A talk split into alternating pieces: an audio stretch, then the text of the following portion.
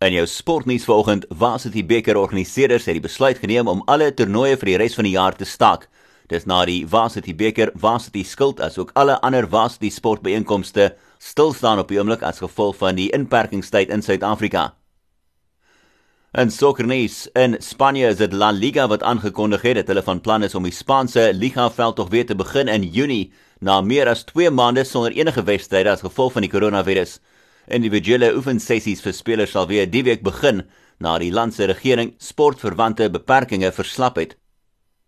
En goeie nuus vir Proteas ondersteuners met Faf Du Plessis wat aangekondig het dat hy van plan is om nog steeds die Proteas te verteenwoordig.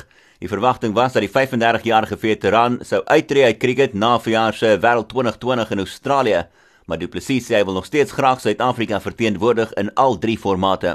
I'm still extremely motivated and keen to play for the Proteas in all three formats. So, yeah, that hasn't changed. And this time away from the game has has has made sure that that that hunger for me is still there. And I think that's a big thing for players is to really still love what they do, you know. And I do love playing for the Proteas still. So that's definitely something that is for me a, a good positive and something I'm really looking forward to, to getting back to.